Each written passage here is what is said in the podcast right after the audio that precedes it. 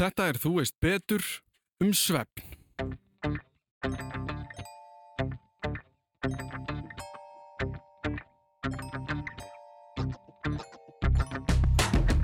Við eigum þann vafa sem heiður, semst íslendingar, við erum heimsmeistarar í notkunn svefnlefja.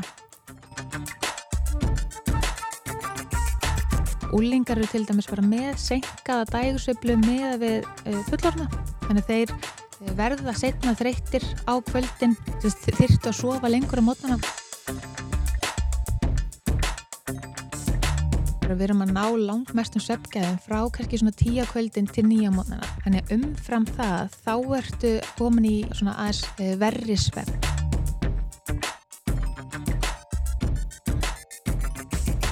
Umræðefni dagsins ætti ekki vera nokkur um einstaklingi óviðkomandi eða fjarlægt. Þetta er eitthvað sem við gerum að minnstakosti einu sinni á sólarhing og oftar en ekki sífælt að vandraðast með. Svo við á mikið og lítið, illa, seint. Hvernig lögum við það sem er að og hvernig hámörkum við þennan tíma sem tekur kannski einn þriðja af sólarhingnum okkar. Ég fekk til mín ástildi Margreti Gísladóttur Salfræðing til að ræða þessa hluti og við byrjum á því að hún kynir sig sjálf. Ég heiti Ástild Margret Gísladóttir og ég er sálfræðingur. Uh, ég lærði líka taugarsálfræði í Maastricht University í Hollandi. Svo lærði ég klíniska sálfræði í Háskólanum í Reykjavík og ég starfaði nokkur ár við rannsóknir, ég þjónustum eftir rannsóknarverkefna meðal annars við rannsóknir á kærusenni og í dag starfaði ég hjá Betri Svepp sem er sagt, fyrirtæki sem sérhefði sér í meðferðum og rannsóknum uh, og fræðslu á sveppni og sveppvanda.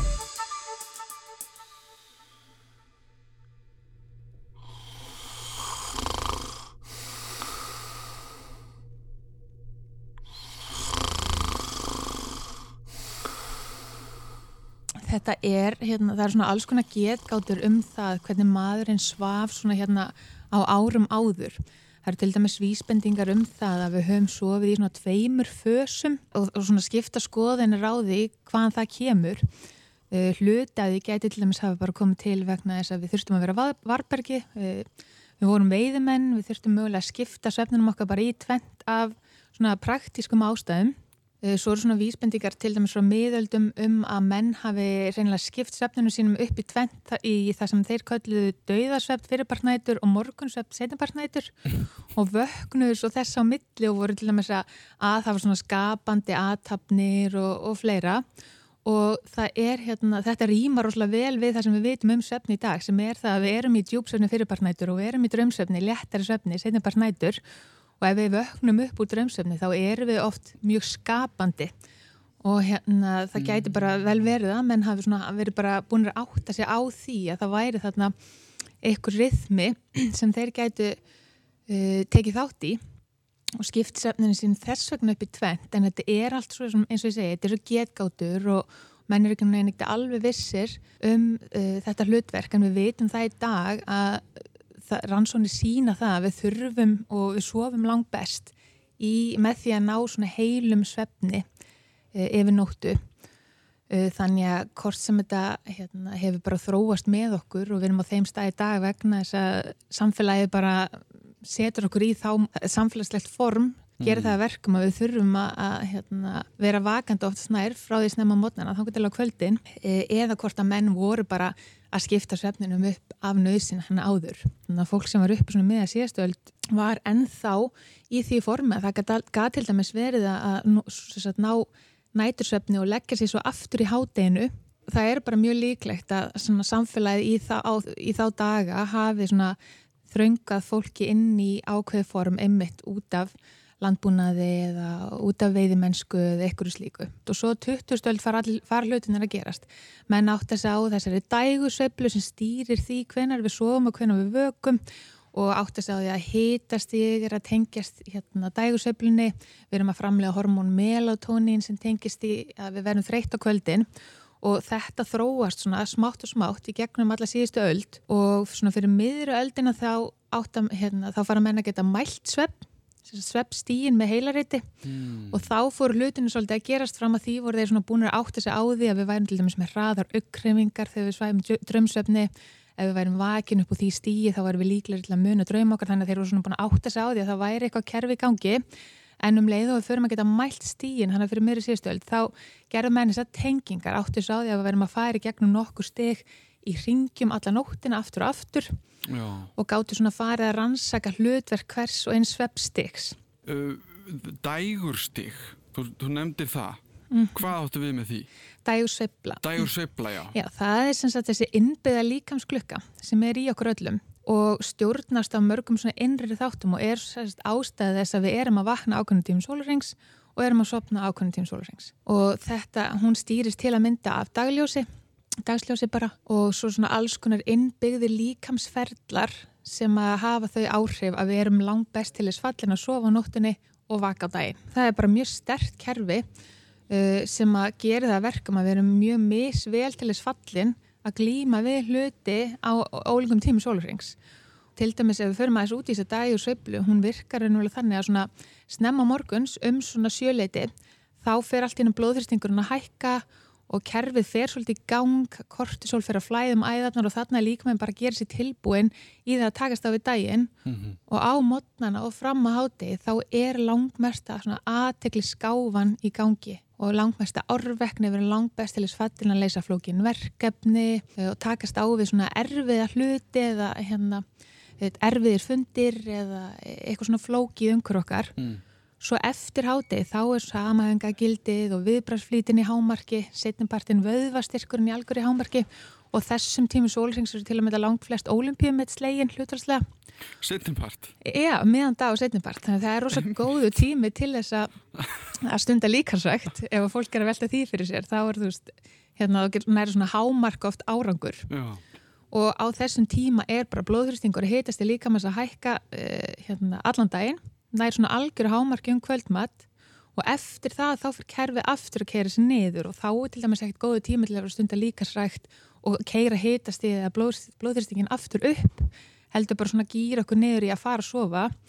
Og svo eins og ég segi fyrirpart nætur erum við mest í djúpsöfni og ef við erum vakandi á þeim tíma sem við ættum að vera í djúpsöfni þá er bara viðbræðslíti algjör lámarki við erum mjög erfitt með að hérna, bregast rætt við, það er langflest slis í umferðinni til að mynda þessum tíma sólurrings stráttur að séu fæstra ferli. Þarna er bara líka minn, hérna, þarna er hitast í smátt og smátt að lækka, hún er svo svona algjör lámarki fyrir miðurinn nóttu og sérst, eftir það þá fyrir við að sofa hlutastlega meira í svona léttari svefni og svo endur til þetta sér bara. Ef þið ætlaði að reyna að slá ólimpíumet, gerir það þá sittnipartin og ekki keira beint á eftir. Ef þið viljið muna drauman ykkar, prófið að vakna um miðan nótt og fyrst eruð vöknuð, getið þið byrjað á sér skáldsögu sem þið hafa alltaf ætlað að skrifa. En ef við sofum 7-8 tíma í beit, hvað er það sem gerist sem er svona gott fyrir okkur? Sko, svefn er svona ástand endur nýjungar uh, það er ótrúlega mikið af ferlum að eiga sér stað á meðan við svofum við höfum alltaf vita eða fólk hefur með þetta um það að við erum að spara orku og kvíla vöðvana en það er bara svo rosalega margt til dæmis í heilanum sem er eiga sér stað við erum að losa út eituröfni við erum að flokka áreiti ákveða hvað við þurfum að festa í minni við erum að vinna úr tilfinningum og þetta má, má eiginlega segja að svefnin, ferli svepp sé bara svona endur heimt, ástand endur nýjungar frá einu degi til annars og bara svona fórsenda þess að við virkum. Núna geti ég verið mjög auðveldlega skilgrandur sem bjemanniska, mér finnst mm -hmm. mjög þægilegt að vakna næt, nætunar og mér finnst mjög leiðilegt að vakna stemmumotnan á, mér finnst það mjög erfitt, af því þá hlýtur það að vera þannig að fólk er með mismunandi dægursveiflur. Já, algjörlega. Eh, það er eh, bara sannleikurinn að við erum alls ekki öll eins, bæði þurfum við ekki öll eh, nákvæmlega að blanga svepp, bara alls ekki. Mm. það er einstaklega spundi, en svo er dægur svepplan bara hérna, mismunandi á milli einstaklinga og á meðan að sömum hendar bara vera komin upp í rúm klukkan 10 og svo til 6, það hendar öðrum að svo frá 1 til 9 og það er bara mjög eðlilegt og hún er líka ólík hérna, eftir æfiskeið Úlingar eru til dæmis bara með senkaða dægursveiflu með við fullorna þannig þeir eh, verða setna þreyttir á kvöldin. Þyrttu að sofa lengur á mótnarnamálu spyrja sig uh, að því að hérna, af hverju skólar til dæmis fyrir úlinga byrja á sama tíma og, og vinna og skóli fyrir yngre fólk. Mm -hmm. en A og B týpur er bara raunverulega ríma við þetta að sumum hendar að sopna aðeins setna og þeir eru bara að ná sínum bara hérna príma sveppgæðum aðeins setna í sólurringnum vandamáli er kannski það að samfélagið er rosalega sniðið aðtypum og það svona neyður okkur svolítið til að vera einmitt vöknuglega sjó mótnana og vera að mæta í vinnu og annað. Og þess vegna hefur ótt verið tengt svona hálgeri leti að vera bjöðtýpa í gennum tíðina sem er bara mjög illa vegið að bjöðtýpum og er alls ekki samkvæmt sko sannleikanum. Þetta er bara hérna, hluta þeirra kerfi sko er samt einhver regla, ekki kannski regla en, en þetta með að fara að sofa þú veist að því að jáfnvel þóttu ég myndi tólka mig sem bímannsku þá veit ég að mér líður samt sem áður held ég betur ef ég sopna fyrr mm -hmm. og sef, þú veist, segjum ef ég sopna fyrr miðnætti að þá og vakna einhvern tíman 8-9 að þá líður mér betur heldur um helgar því að maður kannski fer að sofa 2-3 og, og sefi til, gæti einhvern tíman sofi til hátegi sko mm -hmm. Algjörlega, það er mjög góð punktur. Það er líka, sko, þessi munur á A og B-típum, hann nær ekki svo langt. Að þú veist, fólk sem eru A-típur á meðan það er kannski að kjósa að sopna 10 til 11 og B-típur 12 til 1, þá sína rannsóknir að við erum að ná langt mestum söpgæðin frá kannski svona 10 kvöldin til 9 mótnana. Þannig að umfram það, þá ertu hérna, komin í hérna, svona aðeins uh, verri svepp að því að við erum langt mest í djúpsöfni fyrir bara nætur þá ertur henni vel bara skerða djúpsöfni en það fer ekki að sofa fyrir 2-3 og 7-12 þannig að þó þú náðu söflengtinni þá ertu minni djúpsöfni og djúpsöfni er svona eitt mikilvægsta stíð þar að eiga sér stað mjög mikil endurheimt og endur nýjum af frumum og öðru í djúpsöfni þannig að þið bara vantar þetta ef þú sefur á öðrum tímasólurings eins og margir gerum helgar. Þannig að þú getur ekkit Þú getur, þú getur ekkert sagt bara, heyrðu, ég næ alltaf nýju tíma söfni, það skiptir einhver máli hvort hann sé frá, þú veist, bara 5 á nætunar til 12 eða eitthvað, eða frá 12 á miðnætti til nýju. Nei, einmitt, það, það skiptir bara höfu máli hvena söfnin á sér stað og það er út af líkamsklukkunni, þannig að e, þetta er allt liður í því að við getum ekki bætt okkur upp söfn. Mm. E, það er samt reyndar þannig að eftir eina söfnleitla nótt að þá reynir heilin að bæta upp með því að vera hlutastlega lengur í djúpsöfni nóttuna eftir. Mm -hmm. en svona til langs tíma þá getum við ekki bætt upp svefn og við getum ekkert breytt því að við náum bara þessum hámar svefngeðum ákveðum tíma sólurings en auðvitað ef að fólk séfur alltaf á öðrum tíma sólurings þá getur hann náða svona frekara aðlaga sinn rithma að öðrum tímum þá þarf fólk bara að hafa í huga til dæmis hlutivarandi dagljós og, og hérna, myrkur á öðrum tíma sólurringur skapa sér sitt umhverfi sem ítir undir það að það sé kannski aðeins búið hlýðra til dagsöflinni en svona fólk sem alla jafna sefur á nóttinni og vakir á daginn það getur ekkert eh, þessu til En hvað er það sem að gerist þegar við fáum ekki nægan svepp? Hvaða áhrif hefur það á okkur? Já, það uh, hefur mjög margvísleika áhrif Eh, sérstaklega á svona andlega og líkamlega helsu en lítill svepp bara veikir ónæmiskerfið. Þannig við erum útsettari fyrir því að ná okkur í flensu og pestir og fleira. Um, það hefur mjög hratt áhrif á svona hugrann að getu minni, aðtegli, empatík, árvekni. Allt þetta er hérna, mun svona verra dagan eftir sveppliðla nótt. Og við hérna, erum útsettari fyrir sikursíki 2 uh, háum blóðurstingi Eh, langvartu söfleysi bara eigur líkur á hjarta og æðasjúkdómum. Mm -hmm.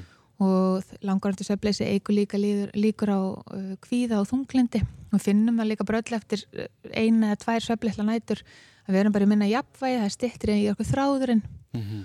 og það verður brenglun á hormonabúrskap eftir lítinn svepp, sérstaklega hormonu sem stýra hérna sett og svengt, leptin og greilin heitaði og það gerða verkum að hérna, við sækjum mikið meira í einföldkolvetni og sigur og annað til þess að bara halda okkur gangandi og með svona frekar sláandi rannsókn á fólki sem að svapar í fjóri til fimm tíma í fimm nætur syndi það að eftir þann tíma þá voru við fann að neyta hátt í 600 auka heitæninga á hverjum einst degi bara svona til að halda sig við. Og bara eftir eina söflitla nótt þá mæl við, hérna mælast aukna bólgur til dæmis í líkamannum sem ger okkur útsettari fyrir ímsum kvellum þannig að þetta er mjög fljótt að gerast og þetta er svona algjör grunnstóð hilsu það eru svona alls konar svona, reglu, svona góð ráð, svona gullna reglur sem við getum öll fyllt mm. og henda mjög vel fólki sem til dæmis þarf svona bara aðeins að hérna, taka til í einn svefnheilsu.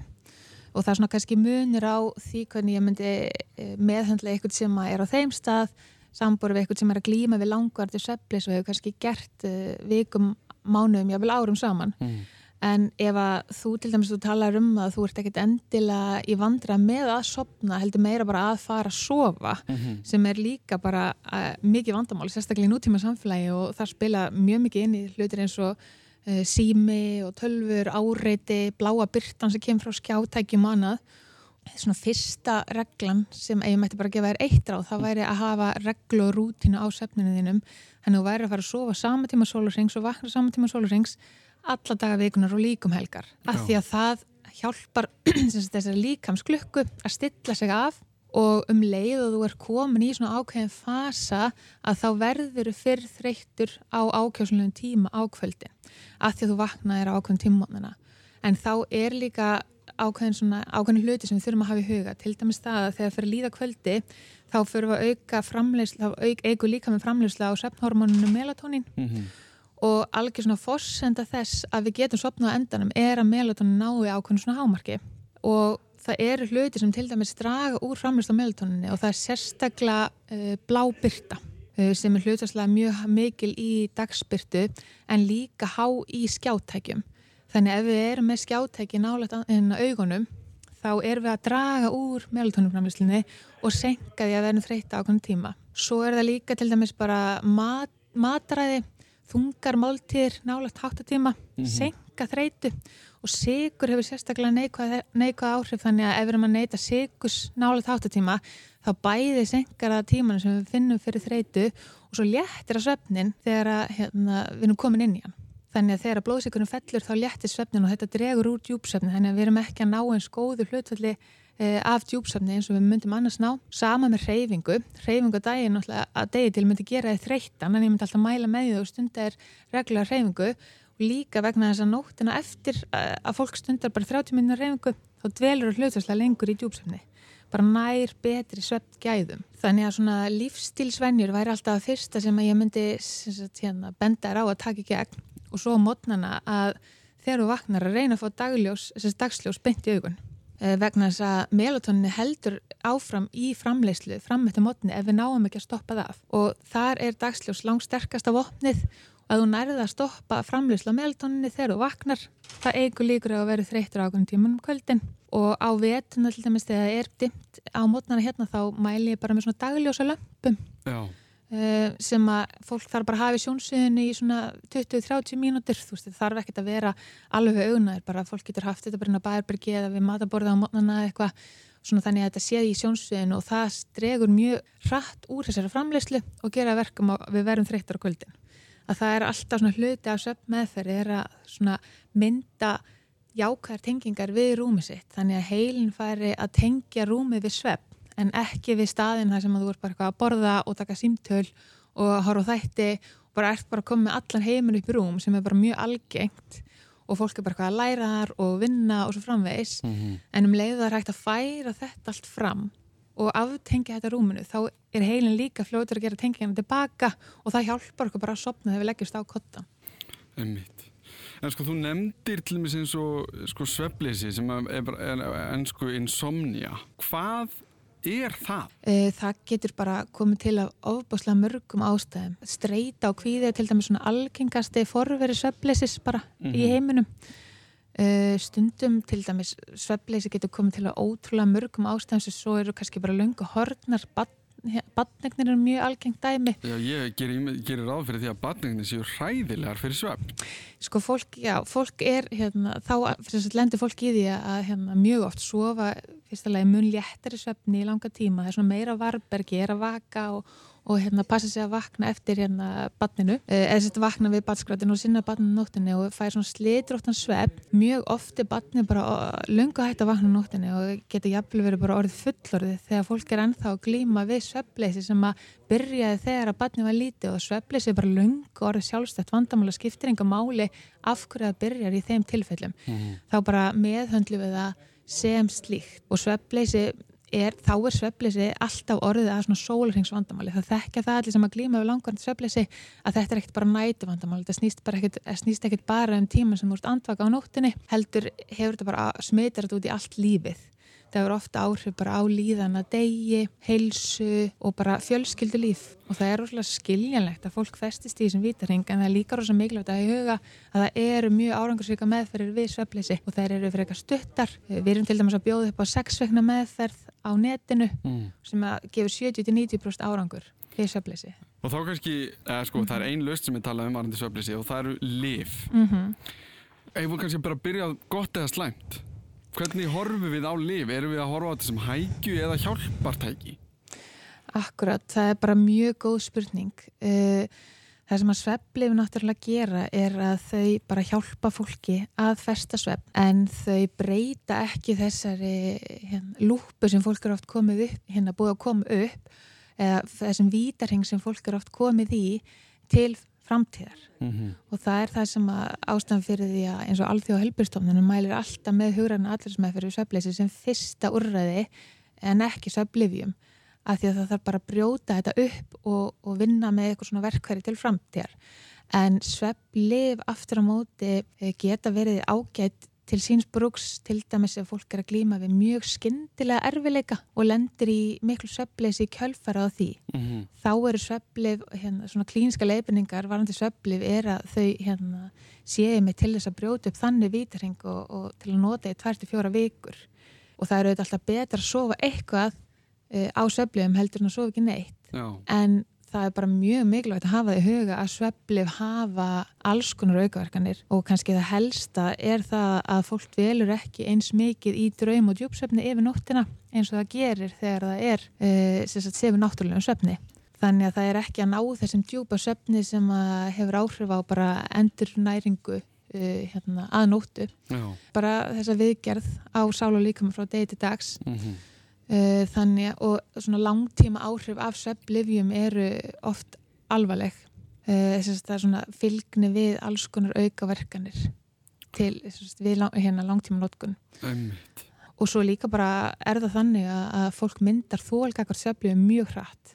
Þannig þau hægt að virka og þá þarf alltaf að auka skamtana Já það þarf alltaf meira. Já. Og raunin er svo að Ísl, við eigum þann vafa sem heiður, Íslandikar, við erum heimsmeistarar í nótkunn sveflifja. Já, er það? Já, þannig að þetta er alveg mjög stórt vandamál á Íslandi en það er samt mikilvægt að taka fram að e, árið svona 2012 til 2013 þá snýrist trónin við. Þannig að við erum að draga úr svefljáðanótkun eins og stanir í dag mm. og hérna nótkunum fer alltaf minkandi frá til ást og við eigum ennþá langt í land, sérstaklega með löndi sem við erum að byrja okkur saman við e, en þá, þá er þetta allt í rétta átt og ég algjör, maður getur svona hérna, vonar að það skrifist bara á meðutund um svefn heilsu almennt en það sem er aftur á móti mikið ágjöfni er á sama tíma frá hérna cirka 2008 þá er svefljan okkur meðal badna, hef, hún hefur alveg margfaldast og hún, hún fyrir bara hækandi þannig það þarf að eiga sér stað um, mikil breyting þar Og út af hverju er það? Það er bara mjög góð spurning sko. Þetta þekktist eða ekki áður fyrir að, vera, hérna, að börn væru uh, á söfliðum eh, og sumbönn auðvitað gæti þurft sveflif af heilsufærsliðum ástæðum með eitthvað slíku. En þetta er miklu herra hlutfall en svo. Og það er erfitt að segja nákvæmlega okkur þetta er, þetta byrjar að taka svona kip þegar að skjátakin þegar, þegar þeim fyrir að fjölga. Á sama tíma og söflíðanótkunni er aukast sjáum við að ísliska rannsóknir benda til þess að söftími batnar sé að stittast til muna frá árið lás uh, orkudrykja neysla er að markvaldast mm. og þeim líður verð þannig að það er einhver, það er engin að segja mér að, ekki, þetta haldist einhvern veginn ekki hendur. Þannig að það þarf að uppræta þennan bara ring, víta ring sem verðist einhvern veginn vera í þróun. En höldum við Íslandingar áfram að slá met sem hver vafasamari en önnur. Svepplif eru skamvinn laust en geta þó verið svar í einhverjum tilveikum Breytingin á sér samt staði í sveppvennjum og hegðun fyrir svepp En hvað með framtíðina? Hvernig erum við að hugsa um svefn næstu árin? Sko það er náttúrulega verða bara, það er alltaf alveg stöðug þróun í rannsónum á svefni sem að gera þetta fag svo útrúlega spennandi. Eh, það er, við erum alltaf að komast ekkur fleira og fleira og við erum alltaf átt okkur betur á ástæðum fyrir hérna þessu sem er eigast stað í svefni. Eh, þannig ég sé fyrir mig bara að svo þróun muni halda áfram og vonandi það, e, það sem að veri hérna, frábærast að sjá væri svona aukin samfélagslega meðutund um, um svefn hilsu og að við myndum til dæmis setja bara meira í forvarnir. Við erum að eigða alveg gríðarlegum bara fjármunum til dæmis í að takast á við svefnleysi. Það er að valda miklum hérna, afföllum í vinnu, fjölgar veikindadögum og, og eigur á uh, heilsubresti Þannig að, að færa, færa þessa fræslu og, og bara svona auka meðtönd fólks, e, það er svona framtíða músikinn. Svo er náttúrulega alls konar svona hérna, tækni nýjungar sem eru mjög spennandi og við til dæmis, e, það er veist, svona alveg risar, e, risastór fyrirtæki sem að hafa óbúslega mikið áhuga á svefni, ég menna bara Google og, og Apple og allt þetta eru að leggja hérna, mikið bara tíma fjármagn nýja e, til dæmis framlega tæki sem við getum öll bara átt heimi á okkur og þó við getum ekki í dag til dæmis greint sveppstig í gegnum svolistæki þá er aldrei að vita nema eitthvað slíkt gæti til dæmis koma að marka með tíð og tíma En eru sko, nú er fólk komið úr og, og allt þetta sem er að mæla þessa ymsuluti, mæla hjartlátt og þú getur verið með síma sem er á dínunni og er að mæla hvernig svo mikið þú ert að reyfa þá nætunar, hvort þú setja vakna og allt þetta og er síðan að gefa þig svona, hvað við segja, bara svona engunarspjald til þú vaknar, bara já, söfninning nótt var svona. Mm -hmm. er, er þetta að gefa rétta mynd?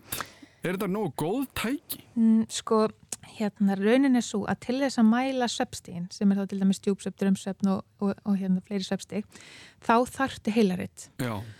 og það hérna bara færðu með því að fara í sveppmælingu og rannsónu hafa ekki sínt fram á það að það sé hægt að fá þessar upplýsingar með áræðilegum hætti úr úrum þó að þau gefis út fyrir það. Uh, Þannig að en, það er bara rugg? Já, því mér, þá bara eru þau ekki að gefa réttamind af söfninum. Þannig að þá bara gott að hafa þetta í huga. Það, rannsónur hafa ekki sínt fram á þetta sé með, það sé hægt að kalla þessar upplýsingar fram með áranlegum hætti nema með heilanreiti.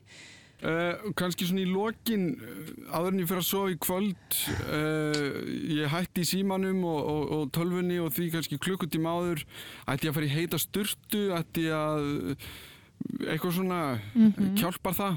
Já, heitt bað og styrta hefur bara jákvæð áhrif á söfn og er oft bara svona góð leið til að komast hérna einu söfnin. Eh, slökun og hugleisla hefur mjög góð áhrif og með þess að sko hérna, fólk sem er gott að huglega það mælast sömu heilabilgjur oft í hugleisli hjá þeim og við sjáum í fyrsta stígi þannig að það getur svona góð brúin í söfnin og svo bara að skapa sér svona rólegar kvöldvennjur sem svona kenna huganum að við séum að fara að fara að sofa. Að hérna, við erum ekki bara einmitt eins og þú segir að, að veist, horfa okkur myndi að gera eitthvað á græja leggja svo kottan og allast bara til þess að við getum sopnað heldur bara svona skapa sér svo rólegu kvöldvenni leggja frá sér skjátækin, reyna út til okkar áriði, til dæmis verið heitt baðið að styrtu og hérna svona að búa til ykkur, hérna, svona smá rithma sem að hendar hverjum og einum. Mm -hmm.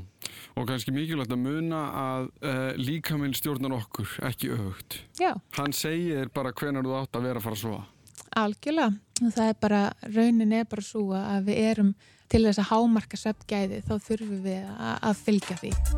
Þá höfum við rætt sveppn og hvað hann gerir fyrir okkur, hversu slæmt það er að missa sveppn og af hverju hann er svona mikilvægur. Ég minni á að allt viðtali við ástildi er hægt að nálgast óklift í hlaðvarsfleitum. Þar förum við nánar út í allskins fyrirbæri eins og blund og hvernig við getum hagað sveppnvennjum okkar. En ég taka ástildi kærlega fyrir komuna og sömulegis ykkur fyrir að hlusta. Ef það eru einhverja spurningar sem vakna er hægt að senda post á allimarat.ruf.is en þetta var Þú veist betur um svefn.